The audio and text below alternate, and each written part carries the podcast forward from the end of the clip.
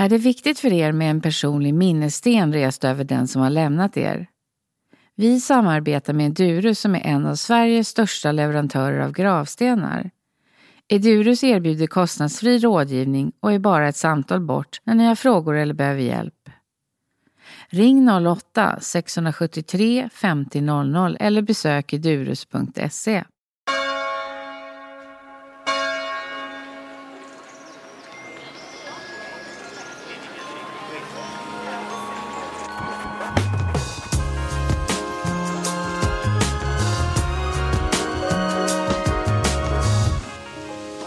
Hej och välkommen till Min död och min begravning, Göran Segerholm.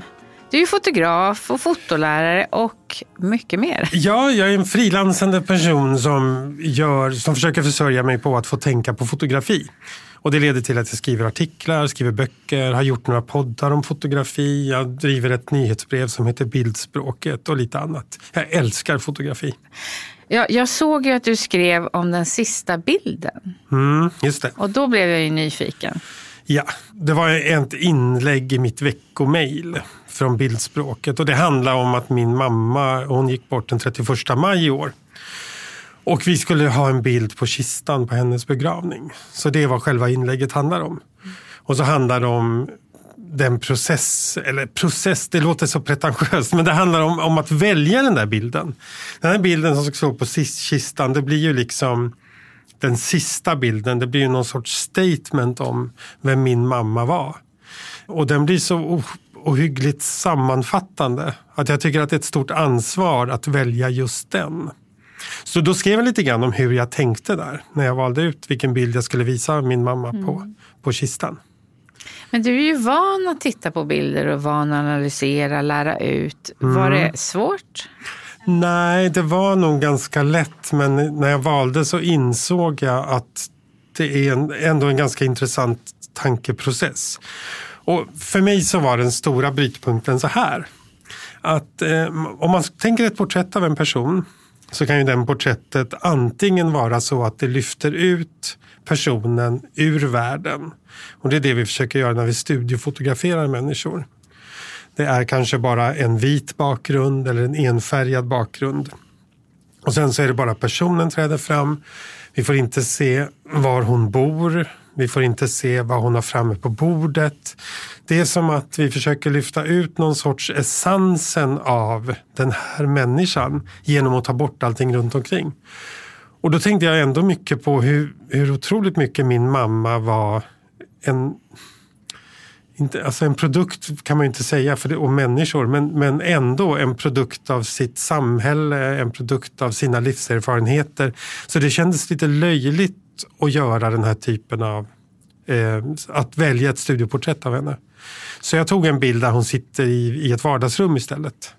Eh, och, och, det är inte något speciellt med det, men, men det, det är ändå en fåtölj som, som hon känner, känns igen vid. Mm.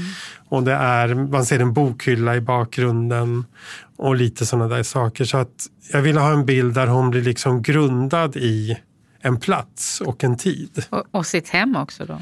Ja, mitt hem faktiskt. Var det? Ja, Jaha. bilden var tagen hemma, hemma hos mig.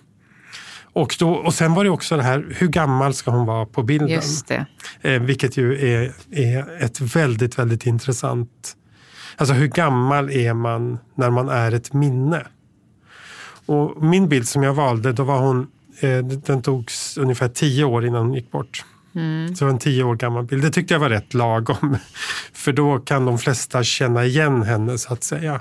Hade jag tagit en bild som kanske min pappa hade tagit från hennes, un, från hennes yngre dagar. Då hade det ju blivit ett sorts hopp för dem som lärde känna henne senare i ja. livet. Så. Så det var ett, ett, stort ansvar på något sätt att välja den här bilden kan man ju säga. Men just det här valet, det, det, det tar jag på mig utan att ens fråga. Ja, för att det var ditt ämne? Ja, och det är jag som har massa bilder på henne också. Det skulle vara intressant att veta om någon annan, hur andra människor som inte är utbildade fotografer eller bildanalytiker, hur de tänker när de ska välja den här bilden. Så jag hoppas att det här kan ju kanske vara en, eh, en liten guide. Att man kan mm. tänka hur gammal vill jag att den här personen ska vara? Eller ska den vara fotograferad i studio eller i ett hem? Ska den vara fotograferad med sin familj? Hur hade det känts om andra var på bilden? Funkar det? Det är klart att det funkar. Alltså, det tycker jag. Det är väl ett, ett uttalande om vem den här personen var. Ja, omringad av ja. liksom. Ja, det tycker, jag är, det tycker jag är rimligt. Att kunna välja en sån bild. Sen så skulle man ju eventuellt, och jag övervägde lite grann att ta två bilder. Eh, en bild från, från hur vi barn mindes henne som mamma. Ja, och en bild som var lite mera när hon gick vidare i sitt nya ja. liv efter föräldraskapet. Ja, Men sen så kändes det lite för ofokuserat att ha två bilder. Att då, skulle, då skulle det handla så mycket om bilden. Ja, för det talade du och jag vid om, det här med bilden om man säger utöver välja en bild till kistan, om man fotograferar en begravning, som jag funderat ganska mycket på. att Man kanske vill fotografera den som ett minne, man vill komma ihåg hur det såg ut. Men sen hade du ganska mycket andra åsikter om det här med mm. minne. Det tyckte jag var så intressant. Ja, mm. Jag för min del är inte intresserad av bilder från begravningen. Och det där har att göra med att jag tänker på Ja, det är ganska långt resonemang. Ska vi köra? Ja, det ska vi. Okay. Bra. Nej, men det, det, har att göra med att vi har ju inre bilder och så har vi ju de här producerade bilderna som vi har, har framställda bilder, fotografier och så. Och en inre bild den ändras ju med tiden. Så när jag minns min, om jag nu inte tittar på några bilder från min mammas begravning, vilket jag inte har gjort, så kommer det här minnet, mitt visuella minne av vad det var, kommer att förändras med tiden.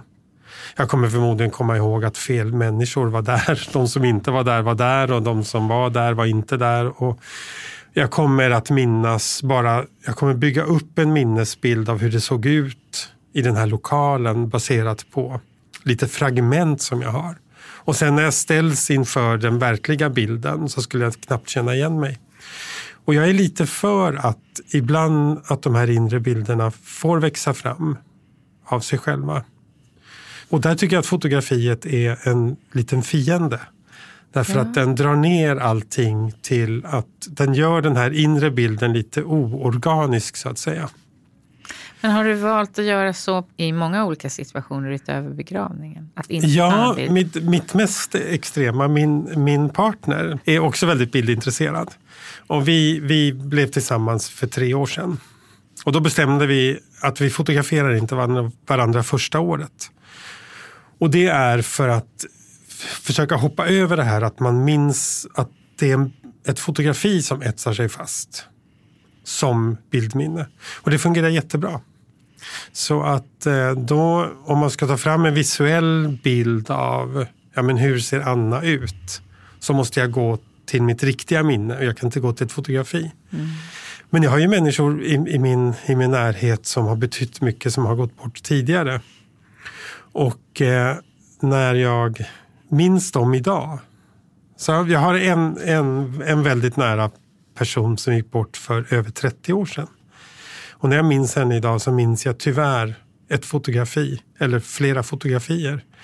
Ja, jag märker att jag har svårt att få liv i den riktiga minnesbilden. Att minnet har så lätt att hänga upp sig på fotografier. Varför har det det då, tror du? Har man ja. sett, tittat på det fler gånger än på den personen? Eller ja. är det mer att det var ett speciellt tillfälle? Jag tänker att det kan vara två saker. Det ena är nog att vi tittar på fotografier så många gånger så att de sätter sig. Mm. Det andra har jag en känsla av, och det tycker jag att jag ser också, att vi är med om någonting och så tar vi en bild. Och att det någonstans finns en tanke där.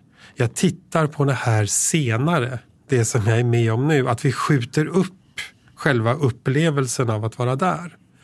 Så om jag nu är på en konsert och jag tycker att det här är en storartad upplevelse så lyfter jag hellre upp min mobil och filmar och tänker nu kan jag ju spara den här konserten för all evighet mm. eh, och så kan jag njuta av den sen. Men mänskliga hjärnan är ju så himla liksom enkelspårig att i samma ögonblick som jag fotograferar så distanserar jag mig också från det jag är med om.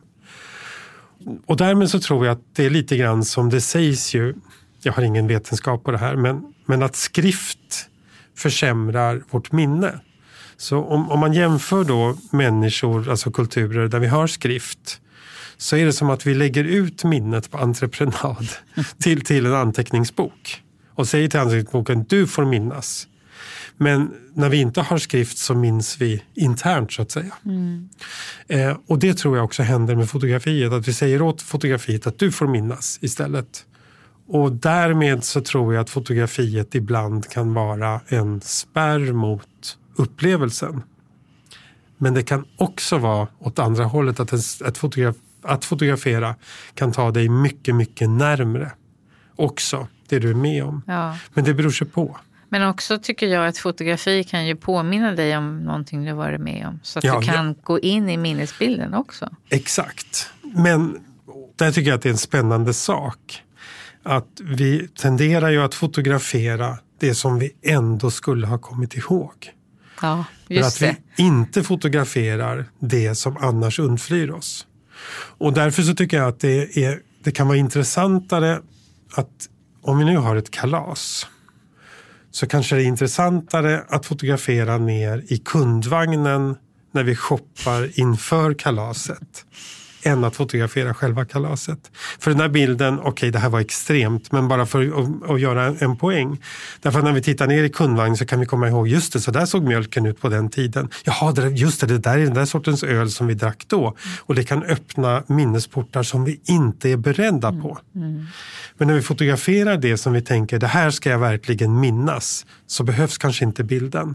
Men när vi fotograferar vardagen och det som annars flyr undan, då kan det verkligen vara minnestriggers. För de där minnesutlösarna, de gömmer sig ju där vi minst anar. Och när jag, när jag tittar på bilder från, från vår uppväxt, då är det ofta någon liten detalj som väcker ett minne. Åh, där, där, där står den där vasen. Mm. Den kommer jag ihåg. Men ingen skulle kommit att tänka på att fotografera vasen för den stod ju alltid där. Därför behöver den inte bli fotograferad. Mm. Ja, det var en lång utläggning. Ja, men det var jätteintressant. Och jag har en kompis som faktiskt sa, nu när ni har fått barn, glöm nu inte att plåta barnet när de skriker och är arga och gråter. Ja. För det gör man ju nästan inte som du säger. Man kanske sparar att man hela tiden fotograferar någonting väldigt positivt. Eller ja, ja men glatt. precis, exakt. En del av en, ett barn är ju också när de är arga och ledsna. Ja. Hur ska vi komma ihåg det? Eh, verkligen. Och, och eh, jag, jag, utformade en kurs en gång i tiden som gick på Fotografiska i Stockholm som heter Foto för föräldralediga. Och där så eh, hade vi utgångspunkten att nu ska du ta bilderna som ditt barn blir glad över om 30 år, Oj. inte mm. idag. Och det betyder att eh, vi eh, uppmanade föräldrarna att fotografera barnets lekplats utomhus utan att det är några barn med, alltså bara tom. Och utan deras barn också då? Ja, alltså utan några barn överhuvudtaget. Ja, ja. Där är rutschkanan, så här såg det ut där så att blicken kan fästa på de här minnespunkterna. Fotografera barnets rum utan att barnet är i rummet. För så fort det kommer med en människa i bilden så handlar bilden om människan. Ja. Men, och vi är väldigt dåliga på att ta bilder som handlar om rummet. Mm. Och, och, och, där kan man ju göra en fantastisk liten fotoövning om, om man vill själv. Ta ett självporträtt utan att du själv är med i bild. Oh. Och det blir intressant. Därför att då måste du kanske fotografera någonting som är spåren av Barbro. Och vad, vad, är spåren av, av dig Barbro? Det, inte vet jag. Det kanske är hur det ser ut i ditt kök. Mm. Det är kanske där vi kan avläsa vem du är. Och, så att det där är en intressant sak att tänka kring.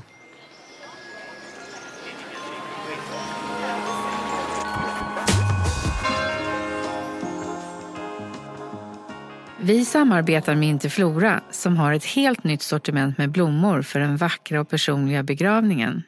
Klicka in på interflora.se och sök på begravning så hittar du säsongens blomstrande sortiment, det som är aktuellt just nu. Vill du se årets alla begravningskransar, buketter och dekorationer, besök din lokala Interflora-butik. Där kan du titta i begravningsboken som är full med vackra och inspirerande bilder och få tips och hjälp av en kunnig florist. Så att just det farväl som ni planerar för blir precis så vackert och personligt som ni önskar.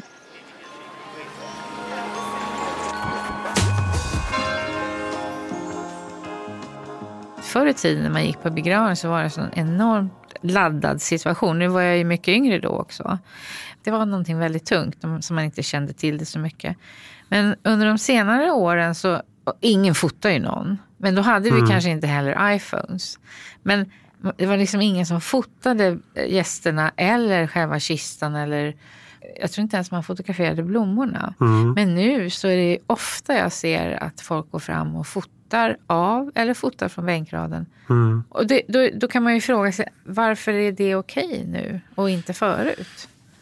Ja, för det första så är det nog att det är iPhone så att ja. man inte behöver framkalla bilderna. Nej. Eh, och det behöver inte vara någon i någon fotobutik som kan se vad du har fotograferat för att det ansågs lite skamligt att fotografera. Ja, ja precis. Och det här kommer ju från en idé som verkligen växte sig stark på 70-talet. Om att, och den idén heter så här. Att fotografera är att utnyttja. Okay. Att så fort jag fotograferar någon så utnyttjar jag den till att ge mig själv någonting. Och när vi tänker så här, var, varför är det dåligt att fotografera en avliden människa? Så är tanken på något sätt att, tror jag, att jag gynnas av din död. För nu kan jag ta den här bilden du, som är laddad och stark. Och den personen kan ju inte säga något. Nej, Nej, men samtidigt så tänker jag också att den personen kanske inte bryr sig längre. Mm. Alltså, så det där är en, en intressant liksom, tankefigur. Att fotograferande är utnyttjande. Och den känslan ligger lite grann över mycket av fotografering idag. Men samtidigt så känner jag att folk fotar ju allt möjligt hela tiden. Så då är det här nyttjandet, alltså det är ju så vedertaget. Det är väl nästan inte någon som ens frågar, får jag lägga upp det här eller så? Ja, jag känner ju många gatufotografer. Ja, och de, ja. de gillar ju att gå runt på stan och fotografera folklivet. Många av dem som jag känner, de har som regel att du får inte fotografera människor som inte har något annat val än att vara på gatan. Alltså, Nej. du kan inte fotografera eh, en person som tigger för sin överlevnad. Du kan inte fotografera en hemlös. Därför att då är det ett utnyttjande, ah, ja. att jag vinner någonting. Mm på ditt lidande. Mm. Och i värsta fall för att ditt lidande på något sätt är vackert eller spännande mm. eller exotiskt. Ja. Så där tror jag att en grej ligger. Men skulle du bli förvånad om du såg någon som fotograferade på en begravning? Alltså efteråt är det ofta man fotar kanske. Nej, det skulle jag inte bli. Nej. Och jag, under pandemin så, så, filmade jag en hel begravning för, för släktingar som inte kunde närvara. Mm. Också i ett annat tillfälle så har jag filmat en hel begravning därför att en person var så sjuk så ja. hon kunde inte vara med på begravningen. Och då filmade jag rubb, rubb som stubb ja. och tog upp ljud och allting. Så, så det där tycker jag inte är så känsligt när det fyller liksom ett sånt konkret mm. syfte. Sen vill inte jag lägga synpunkter på hur andra gör heller. Nej. Personligen så tycker jag inte bilder och fotografier är så farliga. Så att... Nej, du umgås med dem ganska mycket. Jag umgås med dem ganska mycket. ja. Ja, så, så det är spännande. Men, men eh, Barbro, om ja. vi hade varit nu i början av 1900-talet istället för början av 2000-talet. Då hade vi nog båda känt människor som lät fotografera både sina döda med ansikten mm. i, skärpa och allting. Mm. Och själva begravnings, begravningsakten. Ja. Och, och eh, de där bilderna togs ju ofta liksom hos enkelt folk. Ja. Så togs de ofta medan man gick runt och eh, gick runt kistan och kanske sa några sista ord eller så. Ja. Och eh, eh, hos borgerligheten så var det mera att man arrangerade en snygg bild. Där, där med, med lite Alltså att man skulle visa lite rikedom och lite mm. tjusighet. Och så var den här eh, avlidna människan ja. som motivet. Och det där försvann i början av, i början av 1900-talet. Ja, jag tycker de där bilderna man ser unga, unga människor eller äldre barn då som ligger i en kista uppställd på två stolar bara. Ja. Och det är, ja, det har en sån där speciell känsla. Jag kan inte jag vet inte, det känns ovanligt. Nej, jag har ju sett sådana gamla bilder. Ja. Men i våran, det skulle vi aldrig utsätta oss för här just nu. Frågan är om det är, om jag, jag håller inte med om att det är riktigt ett utsättande. Nej, nej. Um, nej jag, jag menade mer att jag tyckte det var så vackert när man visade på det sättet. Ja, ja precis. Och då, men på den tiden så var ju döden närmare. Ja. I och med att man kanske bodde lite mer i byar och närmare varandra. Det var inte lika ovanligt kanske att unga människor hade dött. Men jag vet, det finns ju också målningar eh, av såna här barn, dödfödda barn och barn. Ja, Alltså vi bara inlindande och ja. det lär vara vanligt än idag att om ett väldigt ungt barn går bort i samband med förlossning till exempel.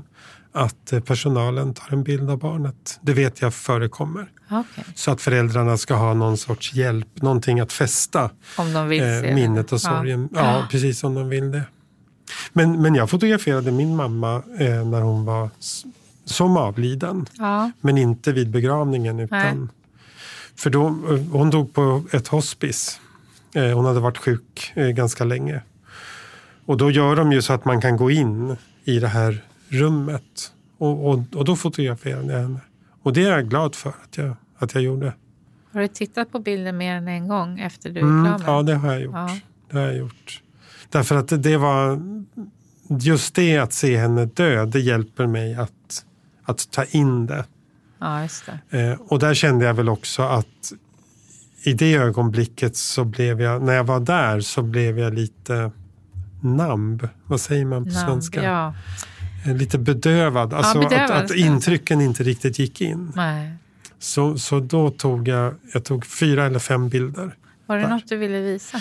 Ja, men, men ni som tittar eller lyssnar får inte se. Bara Barbro får se. Ja, men vi kan diskutera det kanske. Ja. Men jag valde att fotografera henne så att, Ja, vad fint. så att det är lite indirekt. Ja, så att vad in- bra. Det är inte så rakt på. Men, men så, så bilden som Barbro ser nu, som inte ni som lyssnar ser. Kan du beskriva den? Ja, vi ser, tittar in i ett rum utifrån en hall eller en korridor. Eh, man ser en tom, eller är det en annan person, eh, eh, en annan person som ligger i en sjukhussäng, fast man ser inte. Nej, nu, nu, ser, nu ser jag. Vi ser en spegel i hallen. Ja, den är fantastisk. Nu ser jag. Jag, jag hakade, hakade på det att det var en Ja, precis. Den är, den är lite lurig, Ja. bilden.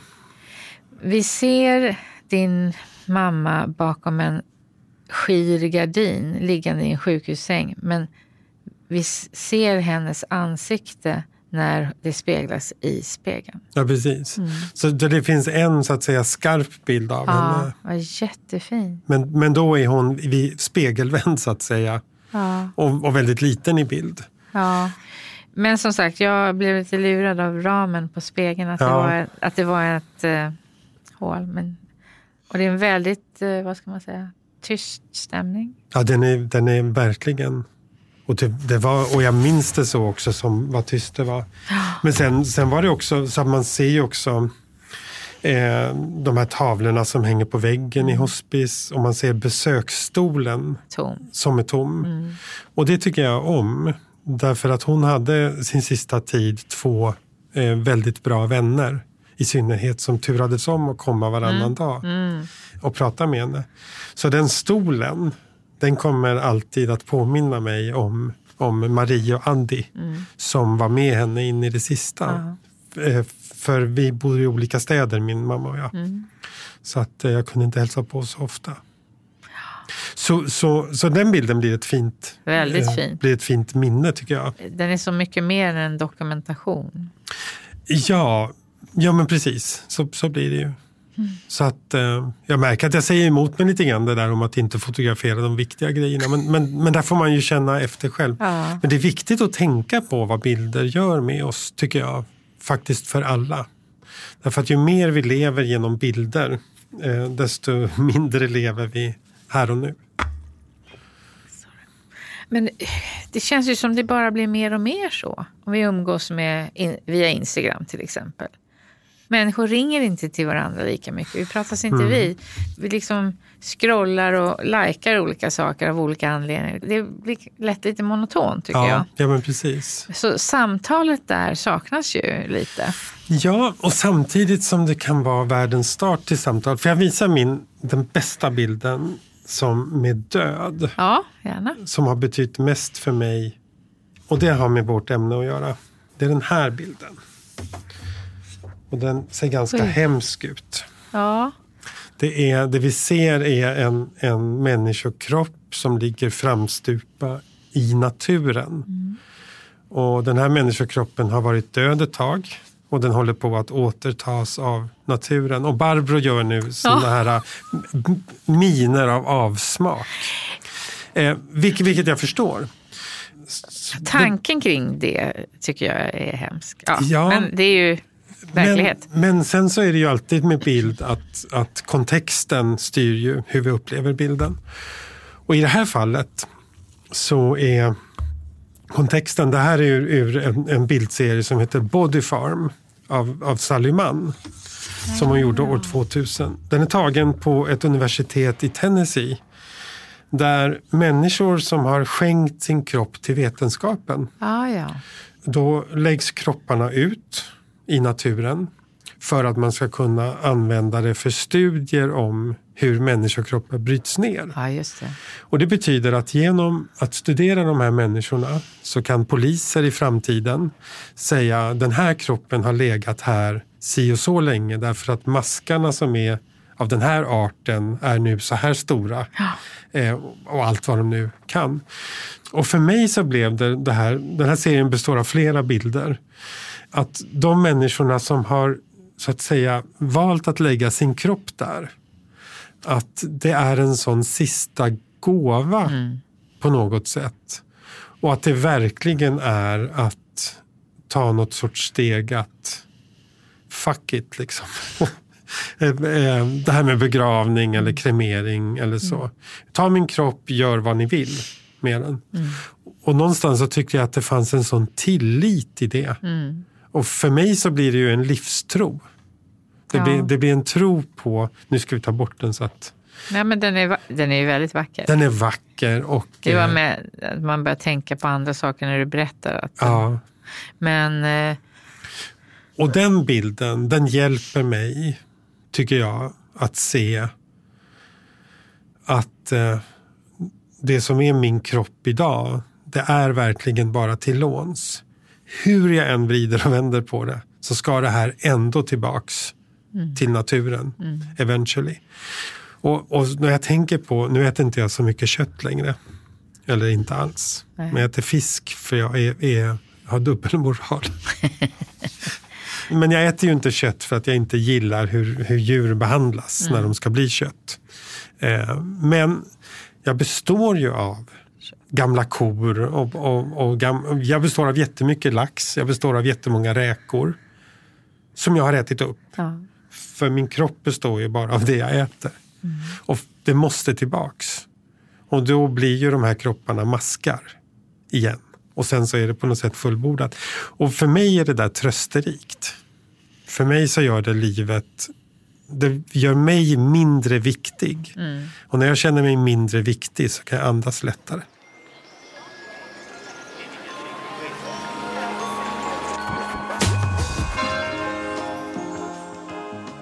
Så hur har du tänkt själv kring din begravning?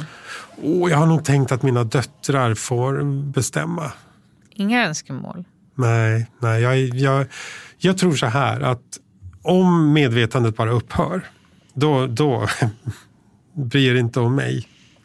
Om medvetandet på något sätt skulle leva kvar så tänker jag att när jag är död och hänger där uppe i taket och tittar ner på begravningen så är jag ändå så elevated eh, så andligen. Mm.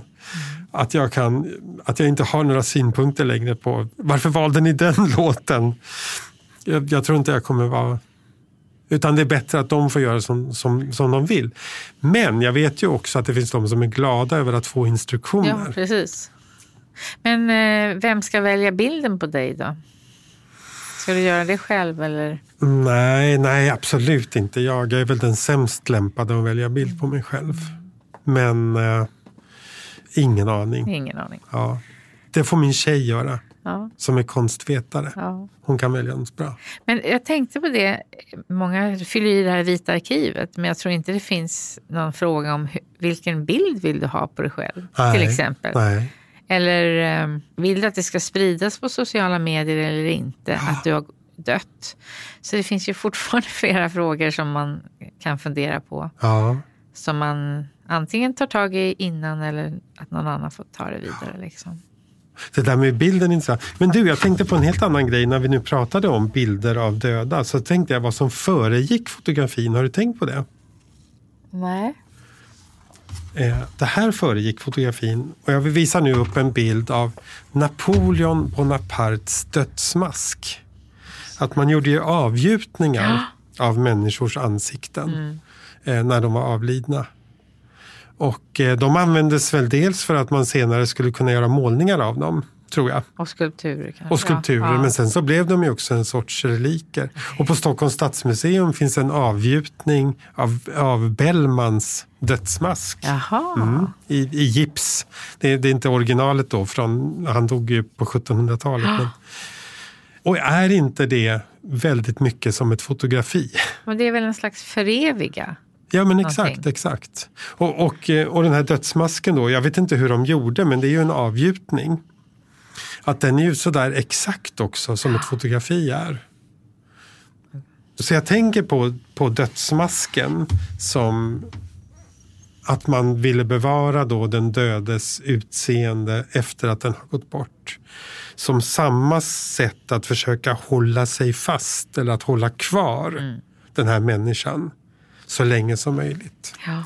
Men du Barbro, tror du att man lever så länge ens minne lever? Du menar att man inte skulle leva om man var dement? Att du dör två dödar? Nej, jag Nej. menar att du dör två dödar. Den ena när du dör fysiskt, den andra när den sista människan som mindes dig dör. Vad fint. Då är du död för evigt. Ja, det vet jag inte. Det har jag inte tänkt igenom. Men det tar ju inte så lång tid tills den sista personen... Alltså det kan ju... Ja, men Det är ju, alltså jag menar, det är inte så många generationer. fast här sitter vi och pratar om Napoleon Bonaparte. jo okej. Vi minns honom liksom inte personligen. Men, men det finns ju en väldig, en väldig drivkraft hos människan att försöka göra någon sorts avtryck Ja. efter. Någon går bort och så startar man en stiftelse i Just den personens namn. För att det på något sätt är tänkt att förlänga livet. Mm. Och, och där tänker jag att fotografiet liksom tas i tjänst eller tas i bruk. Mm. För att förlänga livet hos, hos människor. Och sen är ju det otroligt fåfängt, precis som du säger. Alltså, eh, säg att en, en minnet av en person lyckas leva i 2000 år. Det är ju ändå inte så mycket i det stora hela. Men det låter långt. Det beror på vilket mått man har. Ja, precis. Ja. Ja, det är Så- intressant det där också att vi kanske inte kommer ihåg våra släktingar bakåt mer än... Alltså du vet vad dina morföräldrar heter och farföräldrar men du kanske inte vet riktigt nä- nästa. Nej. Deras föräldrar. Du vet inte allt om dem. Och det är frågan om det kommer bli skillnad nu när alla fotograferar så mycket och skriver namn och skickar. Alltså, det är en, det är en fotografiskt, eller teknikmässigt är det en helt annan situation nu. Mm. Men frågan är, tänker jag, frågan är om det är bra. Ja, och, och vet du vad som är bara ett skämt och inte ett skämt? Eller, eh, ja, det, det är omöjligt att veta. Och Ja. Har man kvar de här sakerna? Tänk om de här Facebook och Instagram och alla var så här, nu har vi raderat allting. Ja, men det behöver ju inte vara något dåligt i sig heller. Nej, men du kanske har allt ditt där. Ja, Alltså, so du kan- what? Du lever fortfarande. Ja, men du kanske inte har kvar ett enda bild på ditt barn eller en film. På. Ja, fast ju mer du lever i ditt minne, desto mindre lever du ju framåt. Alltså det är svårt att leva både framåt och bakåt. Men jag tänker också det här med, med, med intresse för sin släkt och sånt. Det är ju fint på många sätt. Men samtidigt så är det ju där också grunden till liksom etniska olikheter och, och så. Om vi säger att det är så oerhört viktigt vem som var dina föräldrar och farföräldrar så blir det ju lite taskigt för dem som inte vet det. Säg att du är adopterad från ett annat land Ja, okej. och du har ingen aning om varifrån du kommer men du växer upp här i Sverige. Du har ingen chans att spåra dina så att säga biologiska föräldrar. Och så går vi runt här och säger åh det är så viktigt med släktforskning, det är så viktigt att veta exakt vem som var min gammelmormor. Och nu har jag spårat tillbaks mig ända till Gustav Vasa. Det sänder ju en signal att det här är väldigt, väldigt väsentligt. Mm. Men samtidigt så tycker jag att det är det där som driver lite grann också motsättningar mellan människor. Och det driver konflikter och ni är ert folk, ni är så här och vi är vårt folk, vi är så här. Titta bara på det där. Och jag tycker väl också att vi tittar åt helvete för mycket bakåt i tiden. Eh, samtidigt som vi kanske också tittar för lite bakåt i tiden. Hur ska vi lösa det här? Ja, det, eh. det, det här kommer inte du och jag lösa Barbro, idag. Men, men jag undrar om det är äldre människor främst som släktforskar, som att det är en del att liksom ta reda på mer innan man försvinner? Ja, jag förmodar det. Och förstå sina rötter eller ha den tiden också? Ja. Men däremot, jag märkte på min mamma under hennes sista år i synnerhet man kan tänka henne, hon var 85 när hon gick bort. Man kan tänka hennes sista tre, fyra år. Så märkte jag att hon blev mer och mer angelägen om att berätta minnen. Ja. Och hur det egentligen var. Alltså, ni vet den här perioden när vi hade det lite tufft. Då vill jag bara berätta att det var så här och så här. Och det tycker jag var en väldigt fin, mm. en väldigt fin grej. Att inte vilja gå ur livet och lämna massa frågetecken efter ja, sig. Och där måste jag säga att hon var väldigt öppen och väldigt, som jag uppfattade väldigt prestigelös. Att det handlar inte om att hon skulle få rätt, att det var hennes narrativ som Nej. bestämde. Hon ville få fram det på något sätt, alltså lätta? Ja, som en sorts drivkraft. Ja. Jag uppskattade väldigt mycket eh, att hon gjorde det. När jag var liten så hade man ju ofta ett, ett fotoalbum. Mitt första år till mm, exempel. Mm, just det. det var jättespännande. Man kunde fylla i när man tappade sin första tand. Och så. Sådana saker finns kanske fortfarande. Men i det albumet så har jag i alla fall bilder från när jag var liten. Lite grann. Mm. Även från mitt rum och sådär. Men om man inte gör de här albumen nu så det, kommer det bli svårt tror jag att ta, ta, få tag i alla digitala bilder. För de kanske ja, fastnar det, det i någon teknik. Liksom. Mm. Men tänk dig vad liten den världen var i det där lilla albumet. Hur, li, hur sällan de fotade. Det var inte förrän jag själv började fota som jag stoppade in lite mm. bilder. Mm. Det var liksom ett annat fokus på det. Ja. Fotoalbumet. Ja, precis. Och om man också träffar folk som är äldre så är det ofta att de också vill berätta om så här såg jag ut när jag var liten eller mina föräldrar och så. Mm. Så det är väl en längtan. Och det är ju de här minnestriggerserna och de kommer jag verkligen uppskatta också. Men, men det där med digitala bilder, det tror jag att du har alldeles rätt i. Jag, tror att, jag tycker ju att bilder ska på papper. Ja. Eh, de ska vara i en bok och det är så lätt att göra fotoböcker nu för tiden. Det är hur enkelt som helst. Mm. Och så får man dem på papper och så kan de stå i bokhyllan istället. Ja. För det där med digital förvaring, det, det jag tror att det är väldigt lätt att det slinker mellan fingrarna. I, mm. i, eh, jag har ju inte ens tittat i min mammas dator. Jag tror inte ens att jag har hennes password. Nej, nej. Och jag vet inte vad hon har för bilder i sin telefon. Utan det enda som jag ser att hon har sparat det är ju sånt som finns som har en egen en fysisk bild. Mm. Så det, det tänker jag att, att man kan göra sin sina barn en tjänst eller sina efterlevande mm. en tjänst att faktiskt printa ut bilderna istället. Göra lite fotoalbum ja, som back in the day.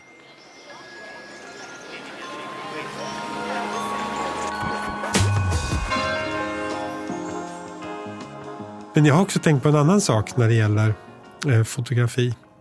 Att den, den kommer ju, fotografiet som uppfinning det fyllde i offentligheten, fyllde 183 år i fredags. Oj. Jag hoppas att du firade Barbro. Jag firar nog poddens ettårsdag. Åh, oh, vad spännande! ja. ja. Så eh, fotografi kommer ju ungefär samtidigt också som livet börjar förändras så ohyggligt fort. Alltså tänk, tänk tillbaka på 1700-talet att du växer upp på en gård och när du dör så ser gården i princip likadan ut ja. som den gjorde när du föddes. Och det finns inte ett sånt här enormt behov av en dokumentation för att minnas. Men idag, Jesus. Jag, jag växte upp i Tyresö utanför Stockholm. Och eh, när jag åker tillbaks och har något ärende dit idag, alltså jag känner ju inte igen mig för fem öre. Det, det, allting förändras så fort. Och där kan det ju vara skönt att ha kameran ändå som en, som en hjälpreda om man vill minnas. Mm. Om man vill minnas tillbaka hur det såg ut. Och om man vill ha de där bilderna som triggar, ja, triggar minnen. Vi har haft väldigt mycket foton i bokhyllan. Alltså man har ju sett bilder på barn hos familjer eller svärföräldrar, bröllopsfoto. Vad kommer hända med det? Det man kanske inte har, visar bilder på det sättet riktigt längre. Digital skärm, kanske något sånt mm. bildspel. Men... Om vi ska visa en bild nu så, så lånar vi ju så att säga högst tillfälligt vår telefons skärm mm. som en bildbärare. Ja. Och sen så är den borta. Och visserligen så vadar vi i bilder idag. Mm. Och bilder som försöker övertyga oss om olika saker. Så på Instagram så möter vi bilder som försöker säga den här personen lever ett härligt och hälsosamt liv. Och det gör jag också. Jag lever också ett härligt och hälsosamt liv och jag har en jättebra relation med mina barn. Men jag undrade om inte också bildens värde devalveras lite grann. Att de är så lätt utbytta, vi swipar så fort. De är inte utvalda ofta, utan de är ju, det kanske är flera bilder vid samma tillfälle. Eller, alltså det är inte samma sak som när du väljer några bilder och ramar in dem och sätter upp dem i hemmet. För ja. då har du, då har du ju liksom bestämt dig vilka mm. bilder du vill visa på ett helt annat sätt. Ja. För, för familj eller omgivning. Mm. För att jag menar en bild som finns på papper den har i varje fall värdet av att få existera på egen hand. Ja. Eh, utan att finnas i.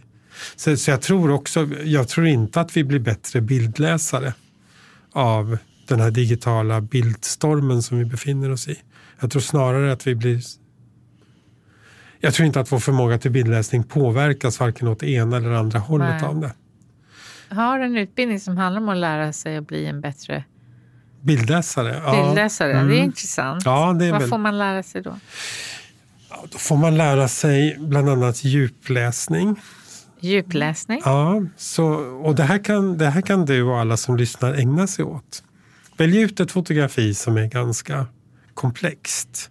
Det ska inte bara föreställa en blomma utan det ska vara flera faktorer i det. Och sen så måste du nu i en veckas tid titta på den här bilden fem minuter om dagen, sju mm. dagar i rad och du får inte sluta titta. Och samtidigt så får du anteckningar över hur dina tankar går. Och de flesta som gör den här övningen, och det är ganska många nu, elever som jag haft, där, där går associationerna Alltså jämför du med dag ett vad du såg i bilden och vad du tänkte med dag sju så har du varit med på en jätteresa om mm. hur bilden har startat nya associationer och sådär. Och, ehm, så det är en väldigt spännande övning, övning att göra. Och, eh, men sen också med bildläsning är det väl som med vinprovning skulle jag säga. att nu, nu, kan inte jag någonting om vin men jag har förstått att de som går en vinprovningskurs man lär sig begrepp.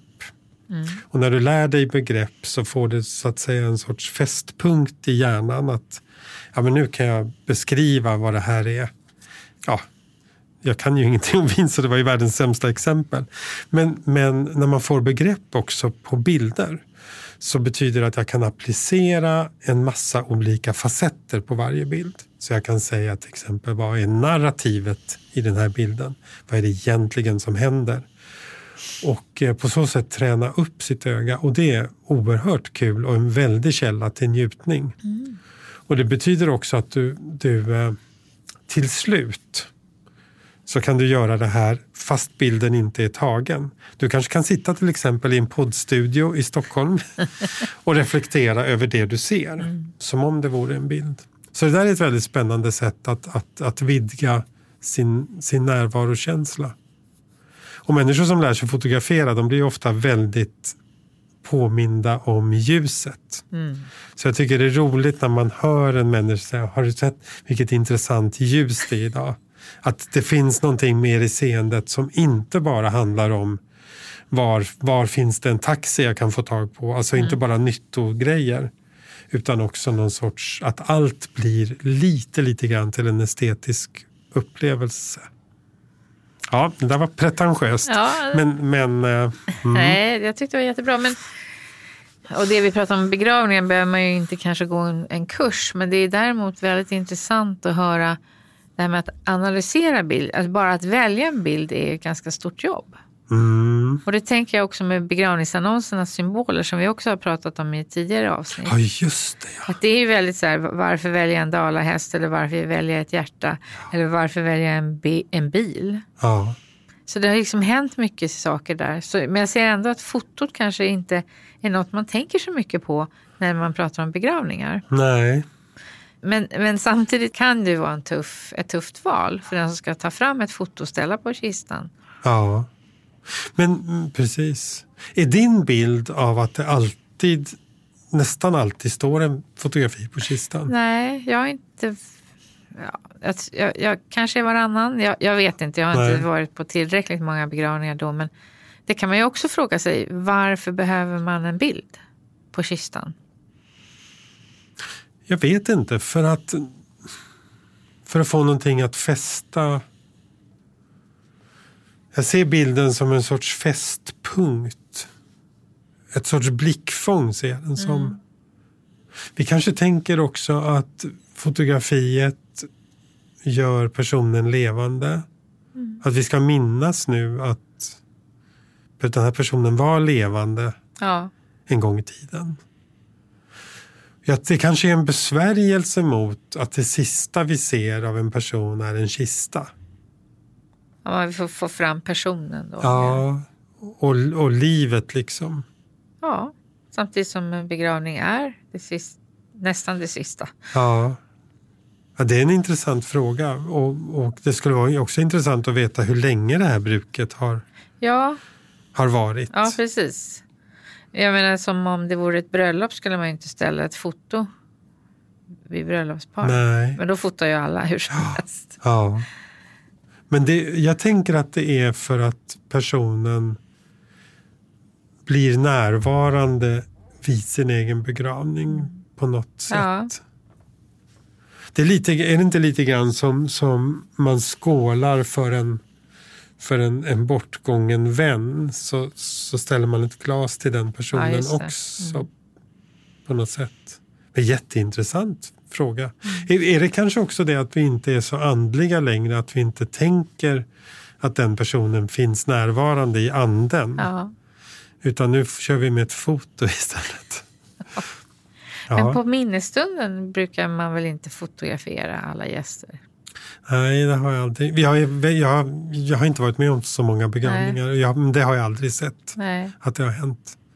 Men däremot att man fotograferar eh, kistan och blommorna och sånt Ja. där, det har jag ju sett. Och det gör ju begravningsbyråerna. Ja, det gör ju de Också. som de lämnar som en perm eller ja. Ja, ärligt talat. Det tycker jag inte riktigt om, Nej. måste jag säga. Min egen reaktion när jag fick, jag fick hem en sån där bok Ja. Efter min mammas begravning med fotografier på kistan. Oj. Och, och eh, vilka blomkransar det var. Från vem ja. Ja, och jag gillade inte det, kände jag. Rent Nej, instinktivt nej. så bara backade jag och sa det här var inte bra. Och det är ingen vacker fotobok, det är någonting enkelt också, eller hur? Ja. I, I sin presentation. Men sen... Mer än, eh, vad ska man säga, titta här är ett kvitto på Ett kvitto, ja precis. Misstänker att talet som prästen, eller griftetalet är inte med. Alltså, det är Ja. bara vissa grejer som är med. Ja, precis. Ja. Det är en liten balansgång där hur, hur en sån kan tas emot. Men det kan ju vara fint att ha till kommande generationer, kanske. Jag vet inte. Fast det är ju, no, jag undrar det. Alltså, det är ju bara bilder av en kista. Och, och, och de är ju falska representationer, tycker jag, av vad som verkligen var. Ja. Alltså, det är ju inga människor med på bilderna. Nej, stämningen kan man inte utläsa, utläsa heller. Mm. Ja, det är intressant. Men, men jag måste säga också att jag har fotograferat en begravning av ett specifikt skäl en gång, nu när vi pratar så mycket om det här. Och det var en, en nära anhörig som var så ung när hennes far gick bort. Och då, då tog jag några bilder vid begravningen. Där man såg vilka, alltså alla som var där. Mm. Men in, inte så att de var medvetna om att de blev fotograferade utan jag smygfotograferade. Mm. Att så här, och det tänker jag att de här bilderna kan man ha som att så här såg det ut när din papp, på din pappas begravning. Mm. Om du vill se det när du blir vuxen. En dokumentation då? Ja, mm. och för där tänker jag att när man är så pass ung så kanske det ändå kan vara någon hjälp någon gång framöver att få se detta. Mm. Eventuellt. Du har inte hört något än? Nej, det är för tidigt. Det är för tidigt. Mm. Ja.